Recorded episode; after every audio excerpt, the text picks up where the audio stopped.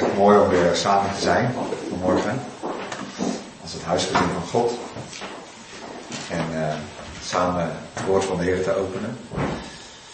Um, ik zat net te denken. Um, ik ging vroeger altijd heel vaak naar de kerk om een goede preek te horen. Uh, en dan was de dienst een beetje afhankelijk van, ja, van de voorganger.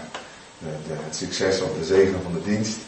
Die lag eigenlijk uh, bij, de, bij de, het succes van de preek.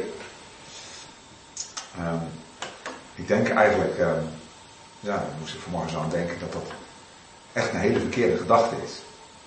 Omdat uh, zekerheid, het, het, woord moet goed zijn het woord moet, uh, moet, moet helder zijn, absoluut. Maar we zijn vanmorgen niet alleen samen om, om een goede preek te horen. We zijn echt samen om de Heer te aanbidden. En om ons in Hem te verheugen. En om Hem de eer te geven van Zijn naam. En uh, dat, dat is het allerbelangrijkste. Uh, om onze liefde voor Hem uh, uit te spreken. En ook onze liefde voor elkaar, die van Hem komt. Om met elkaar te delen. En dat is de roeping van de gemeente. Dat is het huisgezin van God. En het woord heeft daar een plaats in. Maar uiteindelijk gaat het erom dat we vanmorgen de Heer Jezus aanbidden. En ons bedenken wie Hij is, ons in Hem verheugen, ons in Hem verliezen, ons aan Hem overgeven. En dat vervolgens ook met elkaar als kinderen van God delen. Ik denk dat dat eigenlijk de nieuwtestamentische samenkomst is.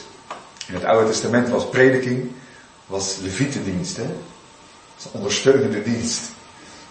Een ondersteunende dienst. En aanbidding was priesterdienst. En wij zijn gemaakt. Niet de niet voorgangers, niet de oudsten. Iedere christen die al ben je gisteren tot geloof gekomen, is een koning en een priester voor Gods aangezicht om te aanbidden. En ik hoop ook dat wat ik vanmorgen wil delen daaraan bijdraagt. Uh, dat we met elkaar op hem gericht zijn. Ik wil een aantal versen lezen. Verschillende gedeeltes uit de Bijbel. Om uiteindelijk bij één gedeelte uit te komen. En ik begin in Exodus 19. Ik wil vanmorgen nadenken over de eerste roeping van de gemeente. De eerste roeping van de gemeente. En ik begin in Exodus 19. Misschien zeg je, daar gaat het niet over de gemeente. Dat klopt. Daar gaat het over Israël. Uh, maar dat wil ik wel wat lezen. Exodus 19. Vers 3. Toen klom Mozes omhoog naar God. De Heer riep tot hem vanaf de berg. Zo moet u tegen het huis van Jacob zeggen. En de Israëlieten verkondigen. U hebt zelf gezien wat ik met de Egyptenaren gedaan heb. En hoe ik u op arendsvleugelen gedragen en u bij mij gebracht heb. Nou dan, als u nauwgezet mijn stem gehoorzaamt en mijn verbond in acht neemt, dan zult u uit alle volken mijn persoonlijk eigendom zijn. Want heel de aarde is van mij. U dan, u zult voor mij een koninkrijk van priesters en een heilig volk zijn. Dit zijn de woorden die u tot de Israëlieten moet spreken. Ik heb dat gelezen omdat het in dit gedeelte gaat over de eerste roeping van Israël.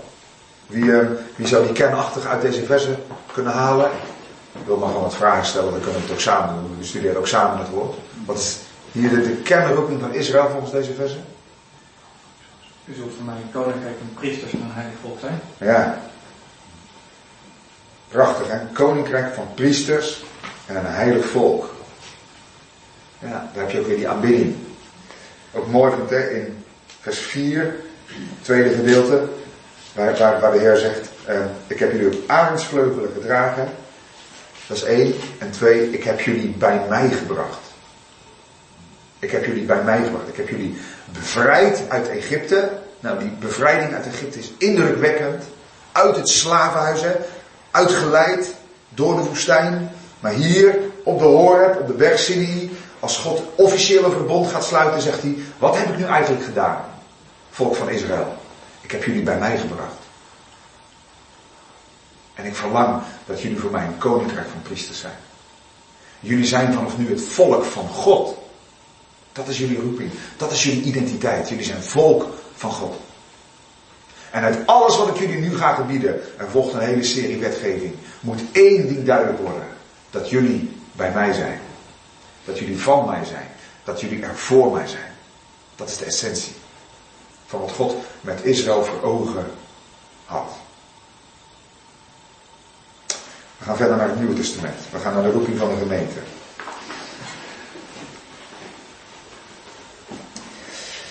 Um, een paar versen uit Efeze 5. Dat is het tweede gedeelte. Ik ga vier gedeeltes lezen.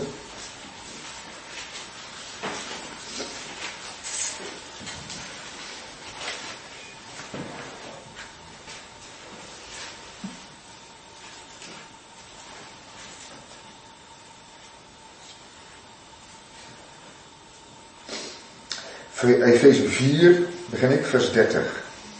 Bedroef de Heilige Geest van God niet, door wie u verzegeld bent tot de dag van de verlossing. Laat alle bitterheid, woede, toorn, geschreeuw en laster van u weggenomen worden met alle slechtheid. Maar wees ten opzichte van elkaar vriendelijk en barmhartig en vergeef elkaar, zoals ook God in Christus u vergeven heeft. Wees dan navolgers van God, als geliefde kinderen.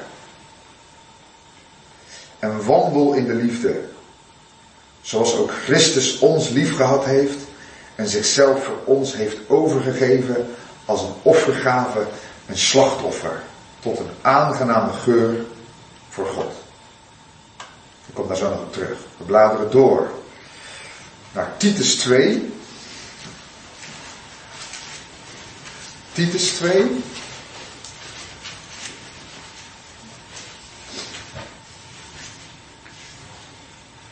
Vers 14.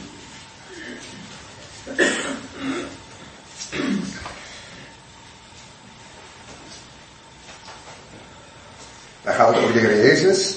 Titus 2 vers 14. Geweldige tekst. Die ook wel gelinkt kan worden aan Exodus 19. In nieuwtestamentische woorden beschreven wordt wat God toen al voor Israël beschreef.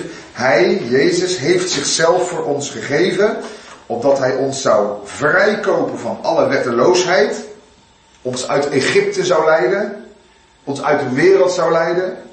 En waarom? Waarom heeft God het gedaan? Voor zichzelf een eigen volk zou reinigen ijverig in goede werken. Heer Jezus, waarom hebt u uzelf voor ons gegeven? Vanmorgen vieren we, herdenken we de dood van de Heer Jezus. Waarom hebt u dat gedaan? Om jullie vrij te kopen van wetteloosheid. En twee, om jullie voor mijzelf te hebben. Een eigen volk. Ijverig in goede werken. En als laatste ga ik naar openbaring 2. Openbaring 2. En dan zijn we weer bij de openbaring 2 vers 1. Dan zijn we weer bij de gemeente Efeze, waar we net ook al van lazen. Schrijf aan de engel van de gemeente in Efeze. Zegt de Heer Jezus tegen Johannes. Dit zegt hij die de zeven sterren in zijn rechterhand houdt. Die te midden van de zeven gouden kandelaren wandelt. Ik ken uw werken, uw inspanning en uw volharding. En ik weet dat u slechte mensen niet kunt verdragen. En dat u hen op de proef hebt gesteld die van zichzelf zeggen dat ze apostel zijn, maar het niet zijn. En dat u hen, dat u hebt ontdekt dat ze leugenaars zijn. U hebt moeilijkheden verdragen, volharding getoond. Om mijn naam hebt u zich ingespannen en u bent niet moe geworden. Maar ik heb tegen u dat u uw eerste liefde hebt verlaten. Bedenk dan van welke hoogte u bent gevallen en bekeer u en doe de eerste werken. Maar zo niet, dan kom ik spoedig bij u en ik zal uw kandelaar van zijn plaats wegnemen, als u zich niet bekeert. Maar dit hebt u voor, dat u de werken van de Nicolaïten haat, die ook ik haat. Die oren heeft, laat hij horen, wat de geest tegen de gemeente zegt. Wie overwint, hem zal ik te eten geven van de boom des levens, die midden in het paradijs van God staat.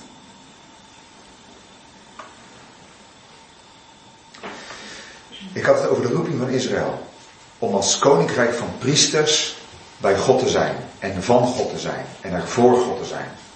Maar dat is ook de roeping van de gemeente. De eerste roeping van de gemeente. En aan de hand van wat wij weten over de gemeente van Efeze, wil ik stilstaan bij de eerste roeping voor ons vandaag als christenen. Efeze is een interessante gemeente in de Bijbel, omdat we er ontzettend veel van weten. Um, Paulus heeft ons heel veel verteld over de gemeente van Efeze. Lucas heeft ons veel verteld in het boek Handelingen. Komt daar meerdere keren terug. Het is een van de eerste, een van de plaatsen waar Paulus het evangelie heeft gedeeld. Hè. Kustplaats in Azië, de westkust van het huidige Turkije. Toen was het een Romeinse provincie en ongeveer 54 na Christus was Paulus daar voor het eerst. Hij liet daar Priscilla en Aquila achter en ging zelf naar Jeruzalem. Als je dan doorleest, handelingen 19, komt hij voor de tweede keer in Efeze en blijft hij er veel langer. Hij zegt later, als hij afscheid neemt van de ouderlingen van Efeze, dat hij drie jaar onder hen gewerkt heeft. Drie jaar, dag en nacht, zegt hij, heb ik jullie gediend. Nou, dat is een tijd geweest van intensieve evangelieverkondiging. En het centrum, denk ik, van die drie jaar, of het centrum, maar misschien een doorbraak, een, een hoogtepunt in die drie jaar, is het moment geweest toen Paulus daar het evangelie verkondigde, er maar ontzettend veel strijd was. Ontzettend veel strijd. Hij zegt in 1 Korinthe 16 vers 9 als hij aan de Corinthiërs schrijft, ik wil tot aan Pinkster in Efeze blijven. Er, er is een krachtige deur voor mij geopend, maar er zijn veel tegenstanders. En als je het verhaal van Demetrius kent, die kopersmid, nou dan zie je echt rechtstreeks de machten van de duisternis zich openbaren in mensen, in een hele commerciële wereld, die uiteindelijk demonisch is, met al die, nou, die tempeltjes die verkocht worden. En daar komt een klets tussen het rijk van het licht en het rijk van de duisternis. En dat in Efeze, in die grote stad. Maar, Jezus is overwinnaar, we hebben daar vanmorgen een aantal liederen van gezongen. En je ziet dat mensen uh, vanuit de macht van Satan bevrijd worden.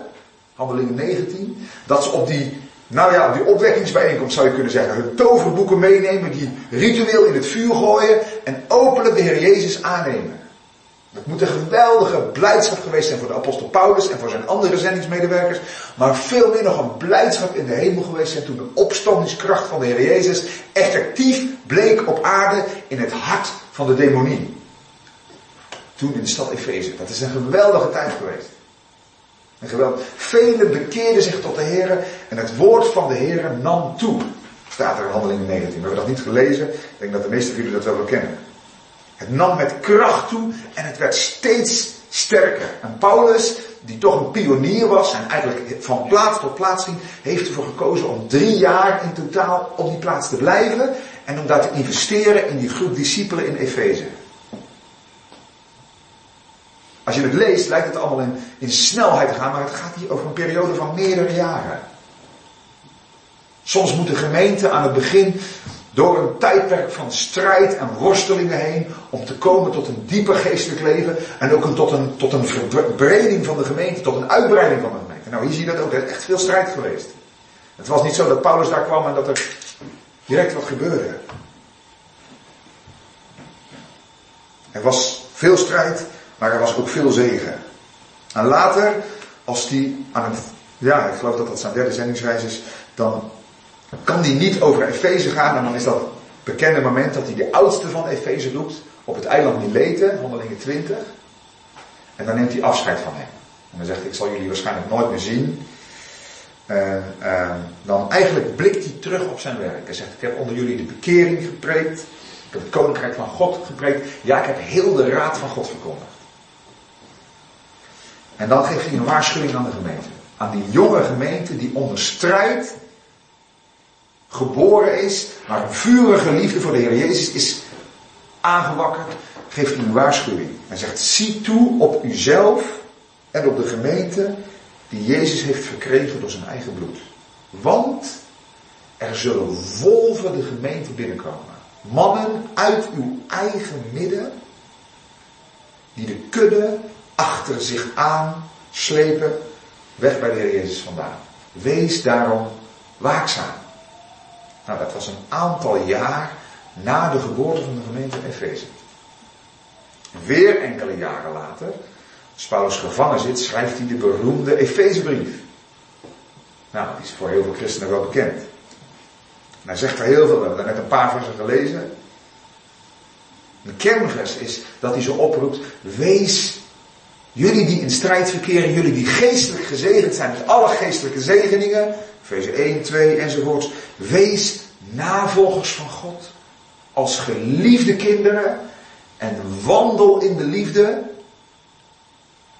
zoals ook Christus ons heeft liefgehad en zich voor ons heeft overgegeven. Wandel in de liefde. Klaarblijkelijk was dat belangrijk. Bedroef de Heilige Geest van God niet. Laat alle bitterheid, woede, toorn ver van u gedaan worden. Maar wees ten opzichte van elkaar vriendelijk en barmhartig. En vergeef elkaar. Nou, dat is het appel wat hij aan die ene gemeente, waar we nog steeds over hebben, schrijft. Enkele jaren later. Waarschijnlijk ongeveer 62 na Christus. Je zou kunnen zeggen, acht jaar na de geboorte van de gemeente. Tien jaar misschien. Weer later schrijft hij aan Timotheus, die in Efeze werkzaam is. 1 Timotheus. Hij zegt, blijf op je post. En daar heeft hij vooral een waarschuwing met het oog op dwaalleraars. Die komen met geslachtsrekeningen en twistgesprekken. Blijf bij de essentie van het evangelie. En weer 25 jaar later, ongeveer 90 na Christus, krijgt de gemeente van Efeze opnieuw een brief. Die is niet van Paulus, maar van de Heer Jezus zelf. Een brief uit de hemel. Een brief uit de hemel. En die hebben we net gelezen in openbaring 2. En ik ga niet heel die brief bespreken. Ik wil er eigenlijk vrij snel doorheen gaan. Ik wil me richten op die eerste roeping uit openbaring 2. Misschien is het goed om het voor je te houden, dat gedeelte. Even kort. Er zijn een aantal jullie die Veritas volgen. Anders dan uh, word ik straks aan mijn jasje getrokken. Uh, even kort context, hè. Uh, ja, Jezus stelt zichzelf voor op indrukwekkende wijze. Heel mooi, openbaring 1. En dan uh, zegt hij uiteindelijk, hè, ik ben die, degene die de zeven sterren in zijn rechterhand houdt, die te midden van de zeven gouden kandelaren wandelt. Met andere woorden, ik ben present in de gemeente. Ik wandel tussen de gemeente. Ik heb jullie tot mij geroepen en ik ben ook bij jullie. Ik ben onder jullie. Hij is aanwezig in de gemeente. Dat is goed om ook vanmorgen te beseffen. Hij is hier onder ons. Hij woont in ons, dus is hij er. Wij kunnen soms de gedachte hebben, daar is de Heer, hij zit op de troon. En wij zitten hier, we strijden voort. Maar we beseffen, hij is onder ons. Ik wandel onder jullie, zegt hij. 2 vers 1. Zo, het is goed om dat af te vragen. Beseffen wij dat nog? Dat de Heer Jezus vandaag onder ons is. Dat Hij vandaag de regie heeft. Door de Heilige Geest. Nou, dat blijkt ook wel als je vers 2 kijkt. Dan zegt hij, ik ken uw werken. Ik weet, zegt hij. Ik weet. Met andere woorden, ik zie jullie helemaal. Dat is iets goeds om je af te vragen morgen. Ben ik dat bewust dat de Heer mij helemaal kent. Mij helemaal ziet. Dat hij ons voortdurend gadeslaat. Nou, dan bewijst hij de gemeente van Efeze eer.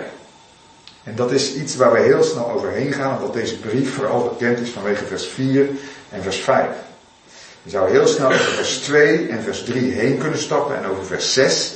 Dat is niet eerlijk. Ik heb het in mijn Bijbel gekleurd. Dat zie je hier. Ik denk dat sommigen jullie dat misschien ook al gedaan hebben. Ik heb al het positieve heb ik groen gekleurd. En bij de gemeente van Efeze is het meeste groen. Is positief. Hij bewijst zijn eer. Ik wil er vanmorgen verder niet te veel op ingaan. Maar als je beseft dat Paulus op Mileten tegen die oudste gezegd heeft. Wees waakzaam. Want er zullen mannen komen die de gemeente weg zullen drijven. Bij de Heer Jezus vandaan. Bij de essentie vandaan. Als je dat beseft. Dat Paulus daarvoor gewaarschuwd heeft. Dat Timotheus dat in Efeze gepredikt heeft. En dat nu in 90 na Christus de Heer Jezus zegt. Jullie hebben uh, inspanning en volharding getoond. Dat is heel mooi. Jullie hebben een weerbare houding vertoond. Jullie hebben dwaalleraars ontmaskerd. Er zijn mensen die zich apostelen noemen. Die zijn het niet. En jullie hebben ontdekt dat zij leugenaars zijn. Dus ze hebben onderscheidingsvermogen gehad. Ze waren onverdraagzaam ten opzichte van het kwade. Dat is echt mooi. Dit is een gemeente die, je zou kunnen zeggen, die zuiver bij de leer van het woord gebleven is. Er waren predikers die met allerlei thema's voorbij kwamen. Maar ze zijn gebleven, zoals Timotheus hen had geleerd, blijf bij het gezonde woord. Dat is een geweldige, geweldig compliment. Voor de gemeente van Efeze. Ja, het ging niet zomaar, vers 3, moeilijkheden verdragen en volharding getoond. Ik denk echt, als de Heer dat van onze gemeente kan zeggen, van ons persoonlijk, maar het gaat niet over de context van de gemeente, dan, dan is dat een geweldig eerbewijs. Een geweldig eerbewijs. Jullie zijn ondanks strijd, ondanks ontmoediging, ondanks tegenslag, zijn jullie trouw gebleven aan mijn woord. Jullie haten, vers 6, de leer van de Nicolaïten. Nou Paulus had al gezegd in Efeze 5. Laat niemand u misleiden met inhoudsloze woorden. Niemand. Pas op. Laat niemand jullie misleiden. Efeze 5 vers 6. Wees hun metgezellen niet, had hij gezegd. Beproef wat de Heer welgevallig is. En dat haar hadden ze dus ter harte genomen. En ze waren geestelijk gezien scherp gebleven.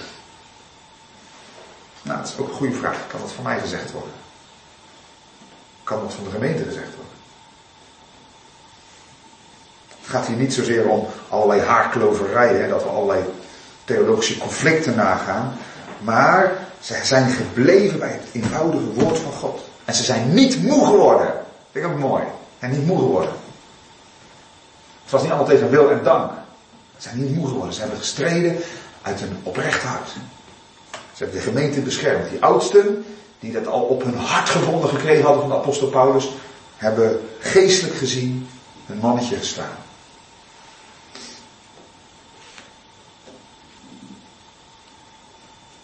En um, ik denk dat zij daarmee ook getoond hebben dat ze inzicht gehad hebben in de geestelijke wereld. Dat ze gezien hebben, de gemeente wordt bedreigd. Als wij dat vergeten, dat de gemeente bedreigd wordt,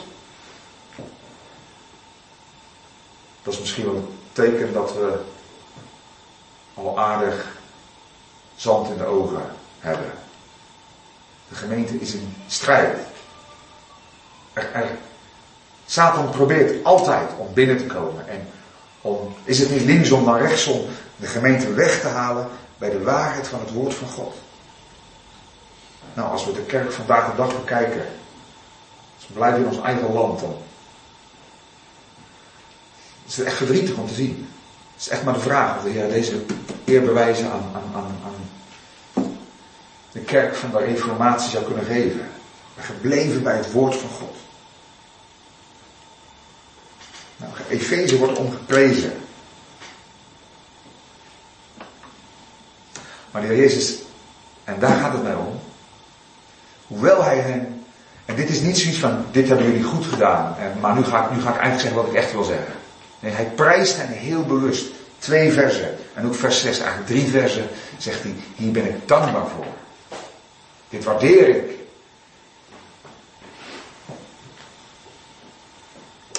Maar de Heer Jezus, en daarmee komen we bij de eerste en belangrijkste roeping, is niet tevreden met een weerbare, strijdbare, oplettende, onderscheidende houding alleen.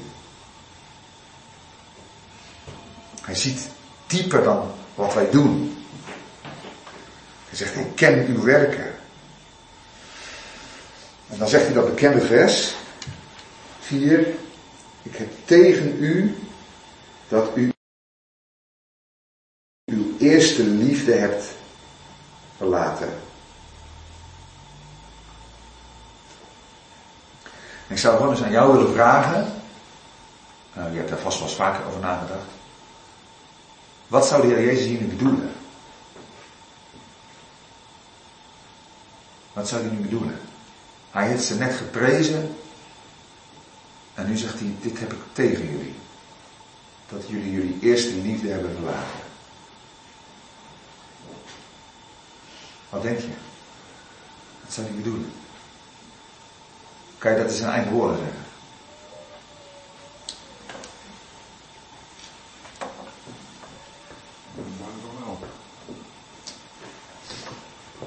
Toen ik de Heer Jezus pas heb leren kennen, kon ik er tegen niemand over zwijgen. Nou wel. Hm. Ik denk dat dat het is te makkelijk mijn mond houden. En dat, dat is dan natuurlijk een symptoom van? Vuur is een beetje te veel getemperd. Oké. In de Bijbel staat het anders geschreven. In mijn Bijbel staat, want vroeger was het de belangrijkste in jullie leven, maar dat is nu niet meer zo. Prachtig. Prachtig.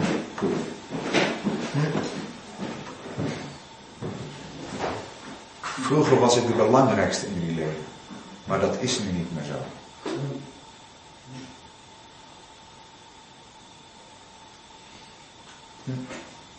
Anderen nog?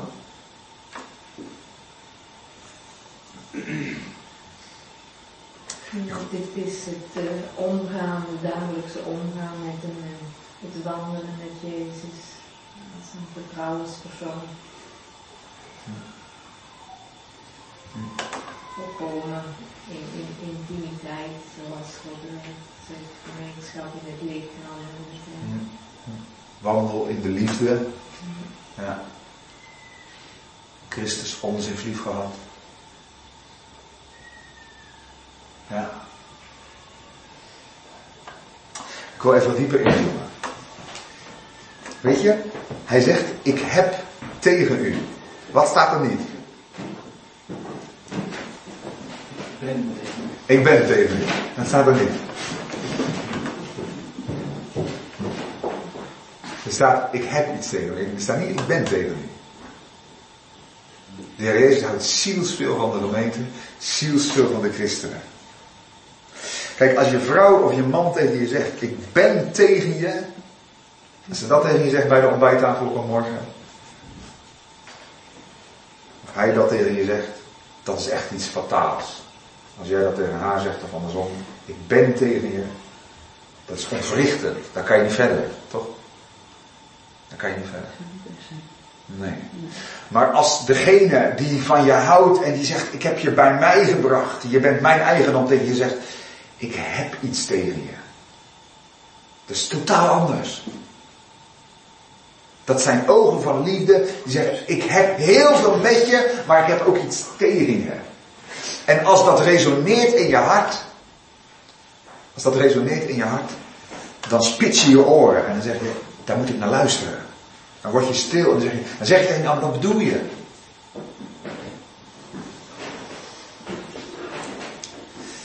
heb tegen u, dat woordje hebt, dat moet je onderstrepen. Dat u uw eerste liefde hebt verlaten.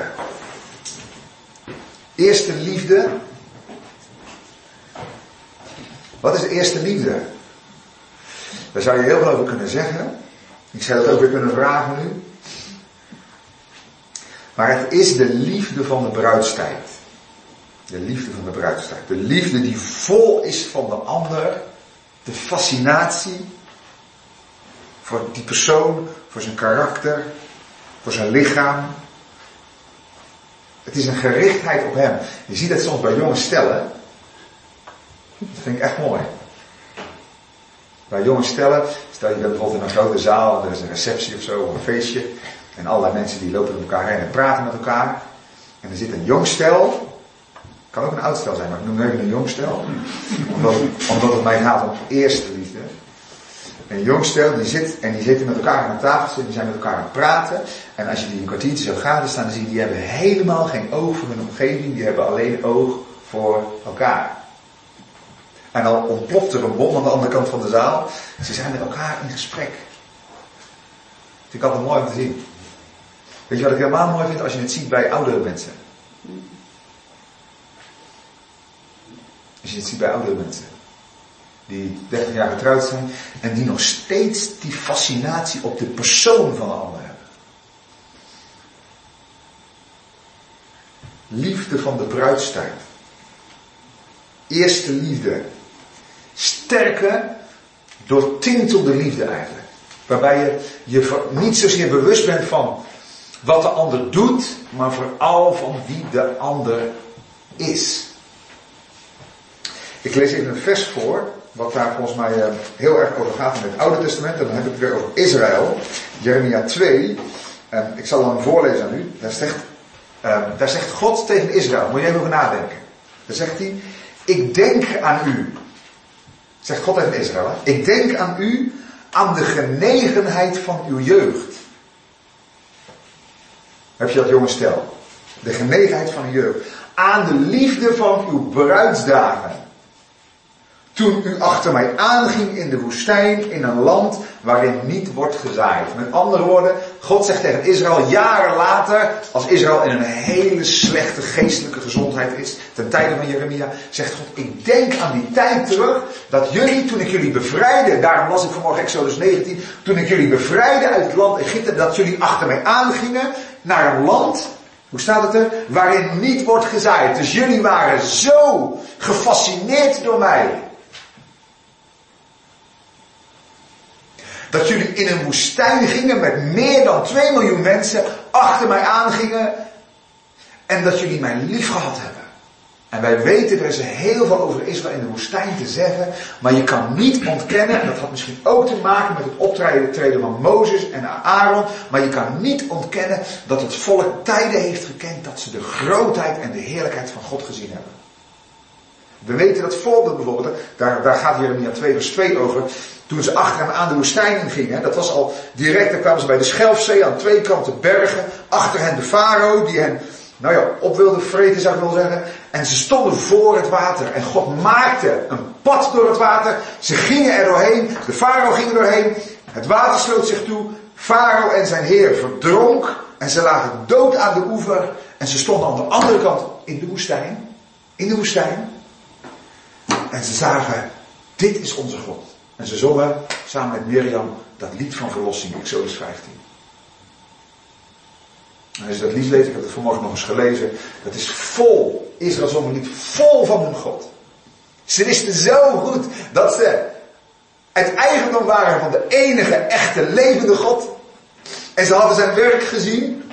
Dat hadden ze wel nodig, eerlijk gezegd. Maar ze hadden zijn werk gezien. En ze waren verrukt en ze liepen achter Mozes, je zou zeggen, ze liepen achteraan de dood tegemoet in de woestijn. Met hun kinderen, met hun vee. Maar ze hadden hun God voor ogen.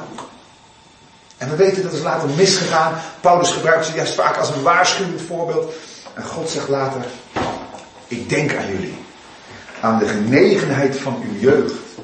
Toen, toen jullie mij kenden. Ik heb jullie bij mij gebracht, zei hij. Exodus 19. Zodat jullie een koninkrijk van priesters zijn. Jullie zijn in mijn. Ik heb jullie op arendsvleugelen gedragen. Bij mij. Nou, dat is die bruidstijdliefde. Dat je vol bent van de ander.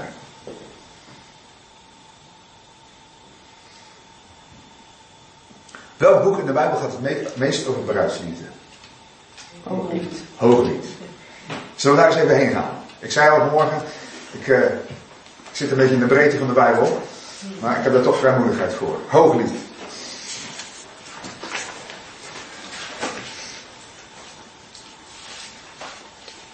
Psalmen, spreuken, prediker, hooglied.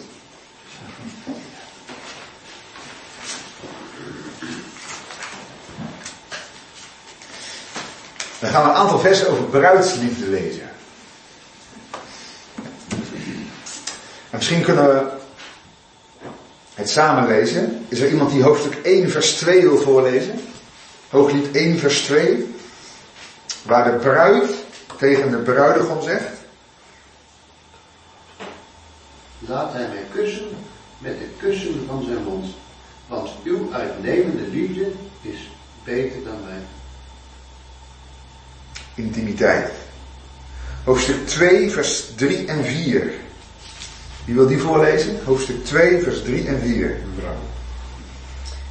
Dan. Zo mooi als een appelboom tussen andere bomen, zo is mijn liefde tussen andere jongens. Ik wil zo graag in zijn schaduw zitten. Ik wil met, zijn, met mijn tong zijn zoete vruchten proeven. Mijn vriend maakt me dronken van liefde. Zijn liefde is overal om me heen. Ja. Hier zegt de bruid, zegt tegen de bruidegom, ik verlang er sterk naar in zijn schaduw te zitten. Ik verlang er sterk naar om in zijn schaduw te zitten. Ja, dat is bruidsliefde. Ik wil bij hem zijn. Hoofdstuk 2, vers 13 en 14. De weidenboom brengt zijn jonge vruchten voort. De bloeiende wijnstokken geuren. Sta op, mijn vriendin, en kom, mijn allermooiste. Mijn duif in de kloven van de rots, in de schuilplaats van de bergwand.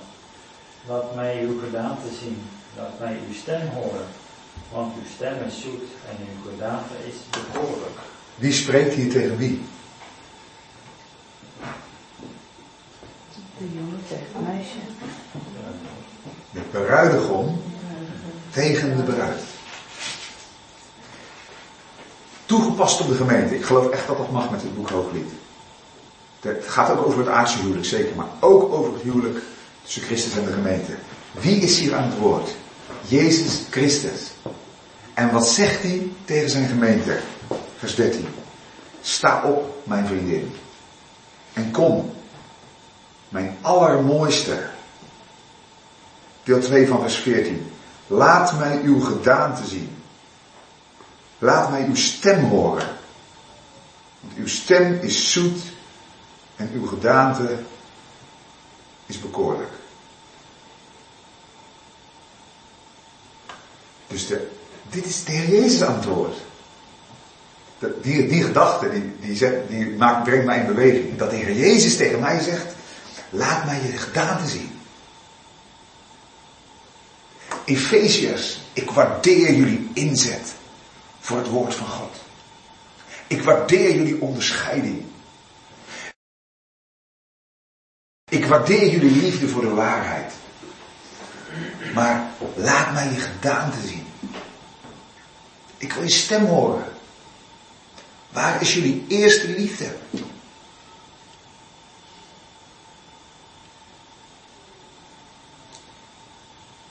Ik lees nog één vers uit Hooglied.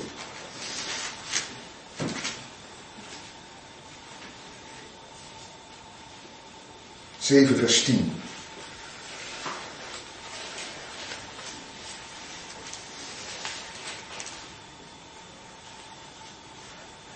Daar zegt de bruid. Helemaal onder de indruk van haar bruidegom. Ik ben van mijn liefste. En zijn begeerte gaat naar mij uit. Maar nu wil ik een vraag aan je stellen. Ben je je dat bewust? Dat de Heer Jezus, ben je dat s'morgens zelfs bewust als je opstaat?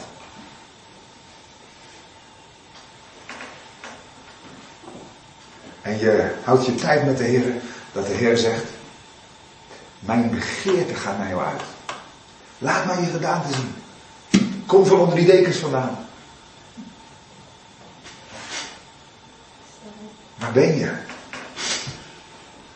Waar ben je? Laat mij, zijn begeerte gaat naar zijn gemeente uit, gaat naar ons uit.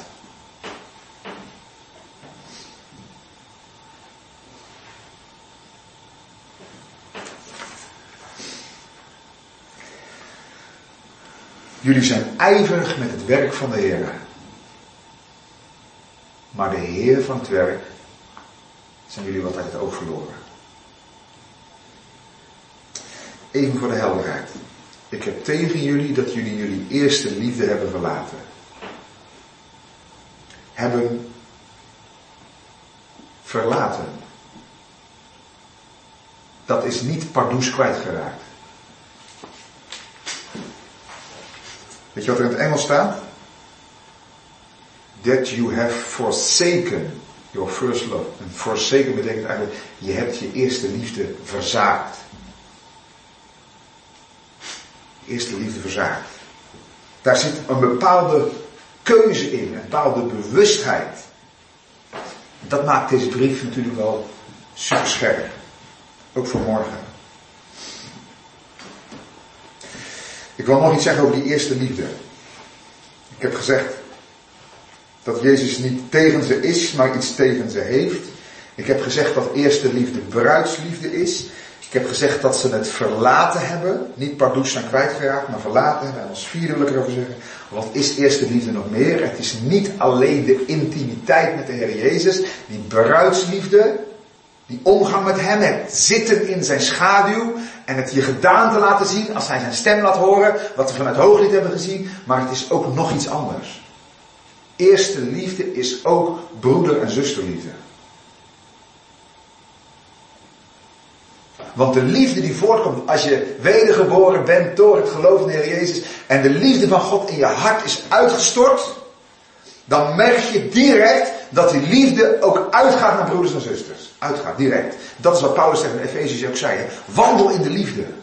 Zoals Christus ons heeft lief gehad en heb elkaar lief. Die twee dingen moeten we nooit scheiden. Je kunt niet God lief hebben, zeggen ik ben geestelijk helemaal vol van Hem, maar met mijn broeders en zusters heb ik niets. Dat is onmogelijk. Jouw geestelijke verhouding, de liefde in de gemeente, de Philadelphia, de broeder- en de zusterliefde die onderling circuleert, die is helemaal afhankelijk van de mate waarin ieder lid van de gemeente zijn liefde met het hoofd beleeft. Als wij als gemeente, als ik, de liefde met de Heer Jezus, als die verkeelt, als ik die verlaat, dan wordt de broeder of de zusterliefde in de gemeente ook minder. En dat gaan we merken.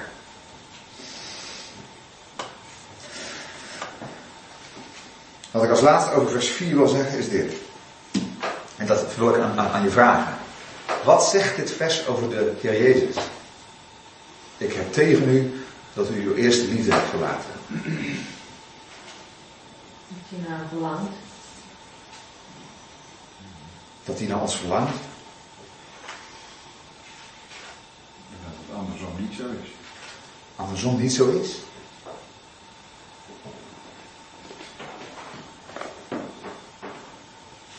Als we aan de Heer Jezus zouden vragen.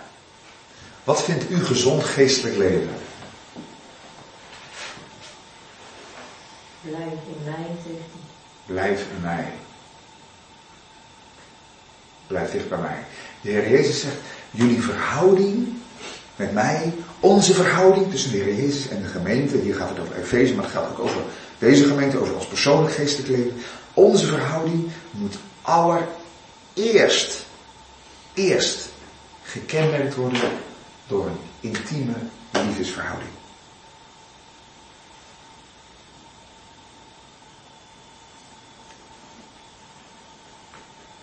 Ik vind dat zo bijzonder.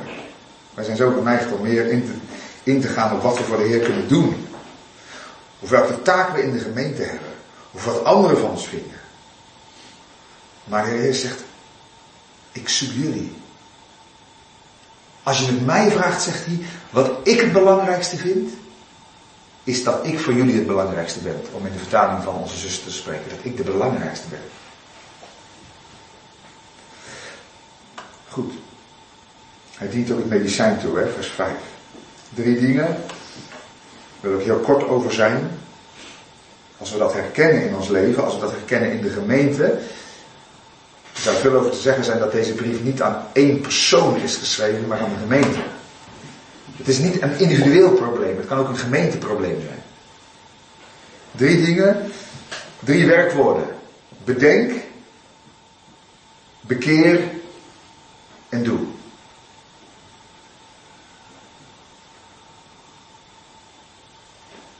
Wat moeten ze bedenken? Van welke hoogte u bent bevallen. Gevallen. Van welke hoogte u bent bevallen. Met andere woorden, de Heer Jezus zegt, kijk eens terug. Kijk eens terug. Hoe was het in die eerste dagen? Israël toen jullie daar bij die Rode Zee stonden. Hoe was het toen? Bedenk. Doe je dat wel eens terugkijken in je geestelijk leven? Wij moeten nooit leven bij ervaringen uit het verleden. Vroeger was alles beter. Dat is, dat is ondermijnend. Maar het kan voor ons persoonlijk en ook voor de gemeente wel goed zijn om eens terug te kijken. Hoe beleefde ik de dingen? Hoe beleefde ik mijn relatie met God? Hoe was mijn liefde voor God? Hoe was mijn passie voor God? Aan het begin, net heeft een broeder gezegd, ik kon niet over hem zwijgen. Ja, Jezus zegt, kijk dan eens terug, bedenk. Weet je dat bekering altijd begint in ons denken? Metanoia, Griekse woord voor bekering, is anders gaan denken. De dingen anders gaan beoordelen. Bedenk, zegt Jezus. Twee, bekeer u. Wat staat er daadwerkelijk in de weg in jouw liefdesverhouding tot Hem? Want het is Dat wil ik vanmorgen niet zeggen. Je kunt als je dit vers leest zeggen, ja, dat, dat geldt voor iedereen. Iedereen. Iedereen kan voller worden van de liefde van de Heer Jezus. Maar dat is veel te algemeen. Dat is misschien wel waar, maar dat is veel te algemeen.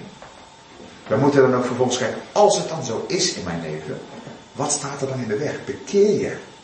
Wat steelt jouw aandacht? Deze gemeente is niet haar liefde verlaten, maar is haar eerste liefde verlaten. En daarom is het interessant om te kijken in je eigen leven, waar gaat jouw eerste liefde heen? Jouw eerste genegenheid, jouw eerste energie, jouw eerste kracht. Waar gaat jouw eerste tijd heen? De Heer Jezus zegt niet, ik ben verdwenen uit jullie agenda, maar hij zegt, ik ben niet meer de allerbelangrijkste.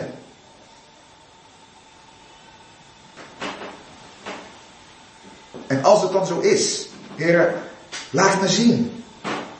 Welke energie in mijn leven, welke tijd in mijn leven, welke kracht in mijn leven zou eigenlijk allereerst voor u moeten zijn, maar gaat nu naar andere dingen. En dan kan over die andere dingen dan natuurlijk een hele lijst maken, maar dat, dat is niet de essentie van vanmorgen. Het gaat erom dat je zelf nadenkt, nagaat, Heer, is dat zo in mijn leven?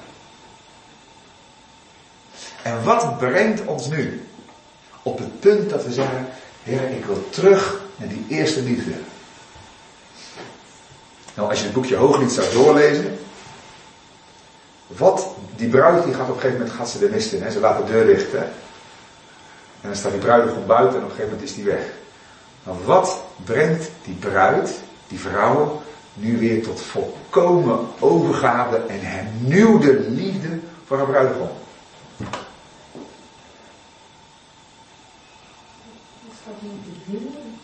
Het, het bedenken van wat ervoor was. Ja, en Emma? Vuur, uh, Ja. Natuurlijk de geur.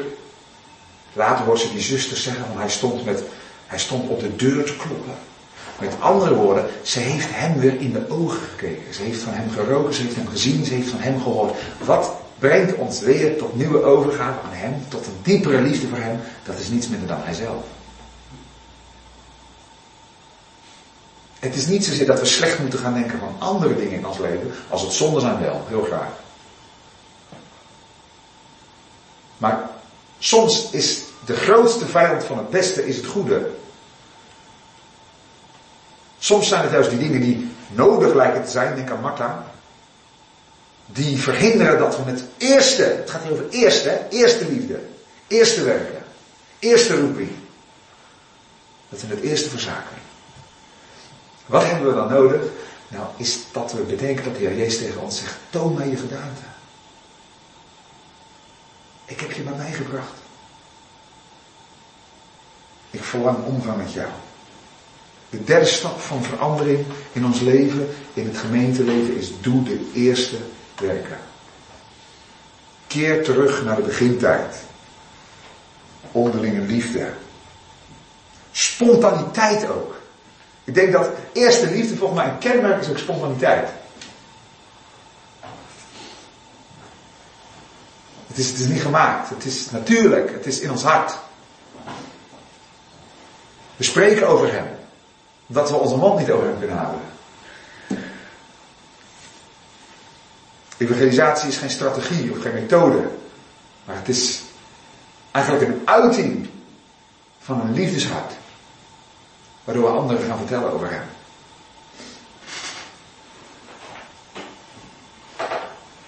Waardoor we voeten kunnen wassen en de minste kunnen zijn.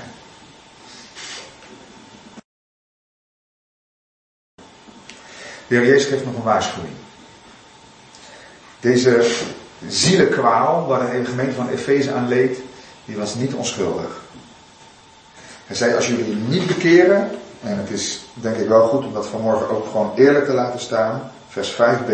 Zo niet, dan kom ik spoedig bij u en ik zal de kandelaar van zijn plaats wegnemen als u zich niet bekeert. Er is veel over gespeculeerd. Wat betekent dat? Dat de kandelaar wordt weggenomen. Zou je veel over kunnen zeggen. Ik wil één ding zeggen. Ik geloof niet dat het hier betekent dat iemand die de liefde van de Heer Jezus door de Heilige Geest in zijn hart ontvangen heeft, dat hij kind van God af wordt.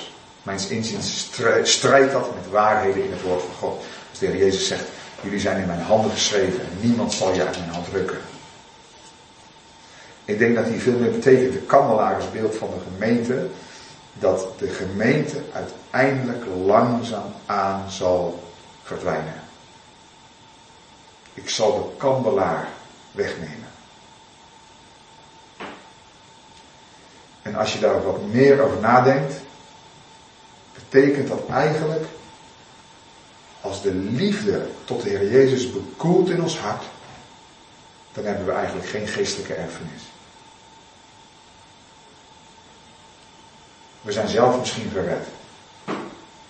Maar we kunnen zo weinig voor een ander tekenen.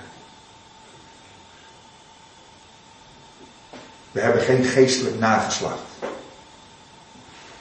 Maar waar de liefde vurig is. Waar we de Heer Jezus allereerst lief hebben en elkaar lief hebben. Onze eerste roeping. Daar zullen degenen die na ons komen de fakkel overnemen. Zullen ook aangestoken worden door de liefde voor hem. En zal er een nieuw geslacht opgroeien wat de gemeente verder leidt. En eerlijk is eerlijk, hoeveel starre en verstolde christenen treffen we niet aan. Die gelaten zijn of uitgedoofd zijn. Heer, vergeef ons onze dorheid en onze droogheid. Als we bedenken wat u ons gegeven hebt in de Heer Jezus. Als we bedenken wie u voor ons bent.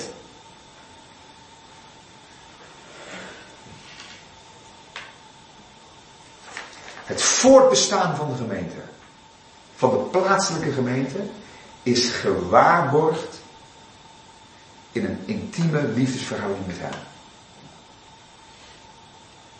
Het voortbestaan van de gemeente, het blijven van de kandelaar is gewaarborgd in een liefdesverhouding met Hem. Als je kinderen hebt, we hebben twee kinderen, bijna drie, als alles goed gaat. Je kan ze veel over de Heer vertellen. Je kan ze allerlei zaken vanuit het woord leren en dat doen we. En proberen we. Maar wat ze vooral moeten zien is dat hun papa en mama de Heer Jezus vurig lief hebben. En staan in die intieme verhouding met Hem. Ik zeg soms wel eens, Heer, de rest laat ik aan u over.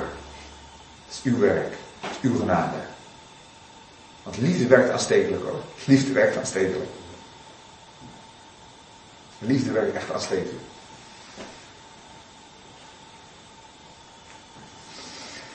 Ik sluit af met uh, twee vragen. Het is misschien een heel eenvoudig woord vanmorgen, maar ik wil die vraag gewoon aan je stellen. Hoe als de Heer Jezus vanmorgen de thermometer erin stopt.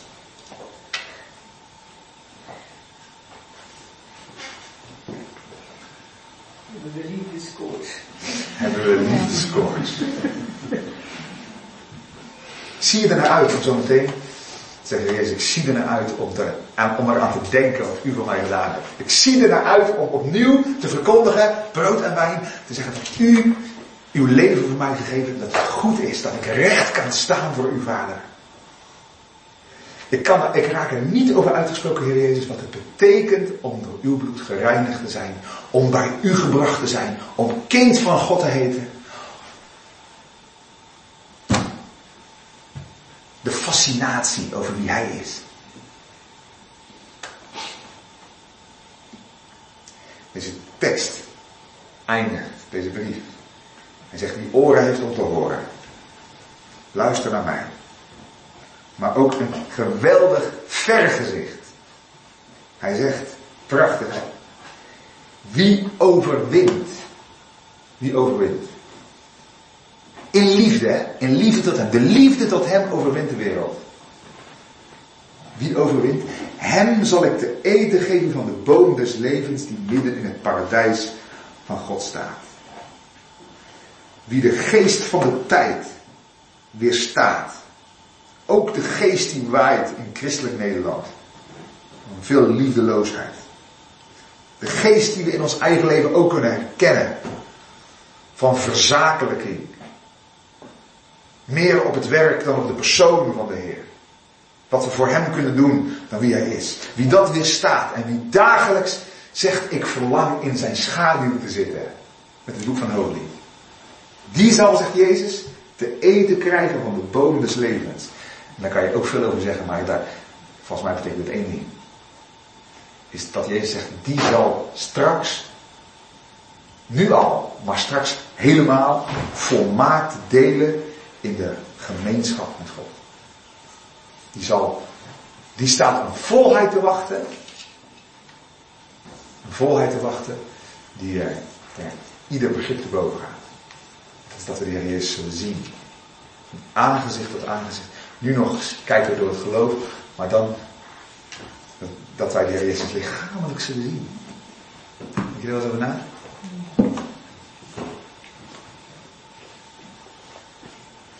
We zullen gelijk aan hem zijn, zegt Johannes. Hem ontmoeten.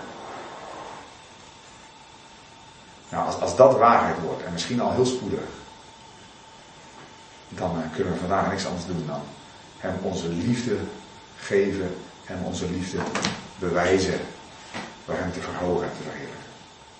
Stel voor dat we samen bidden. Heer Jezus, als we nadenken wat u bewogen heeft toen u naar de aarde kwam. U wilde uw vader verheerlijken. U wilde het offer zijn wat wij als mensen, zondige mensen in onszelf, nooit zouden kunnen brengen. Maar u hebt gezegd, ik kom om uw wil te doen. En toen uw discipelen van u weg wilden rennen, hebt u gezegd tegen de soldaten, als jullie dan mij zoeken, laat hen vrij uitgaan. U hebt gezegd, ik geef mijn leven voor mijn schapen.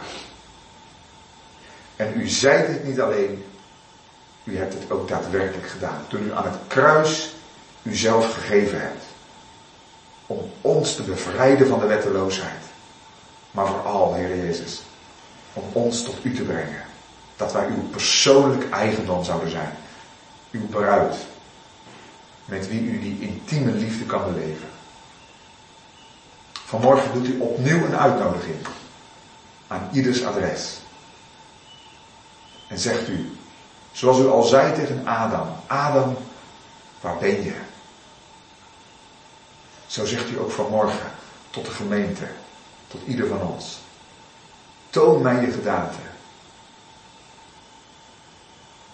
Ik wil je ontmoeten. Ik wil mijzelf aan je openbaren. Hier ben ik. Heer Jezus, wij komen tot u. Wij willen tegen u zeggen dat we van u houden. We willen tegen u zeggen dat we u dieper willen leren kennen. Wij verlangen allereerst uw geliefde bruid te zijn. Niet uw werknemers. Maar uw geliefde kinderen. Zodat wij, heren, de prijs zijn waar we van gezongen hebben. Christus krijgt de prijs die hij verdient. Vele volken als zijn erfdeel. Volken met wie hij zijn liefde kan delen. Heer, hier zijn we. Heer Jezus, reinig ons. Wortel ons dieper in uw liefde. Zodat wij door het leven gaan. Of we nu u al langer of korter kennen. Dat wij door het leven gaan als mensen die hun mond en hun hart vol hebben van een heiland, van een redder, van een Heer, die zich voor ons heeft gegeven. We zijn verlost van de eeuwige hel. We delen in het eeuwige leven. Dank u wel voor alles wat u ons gegeven hebt. We eren en aanbidden u. In Jezus' naam. Amen.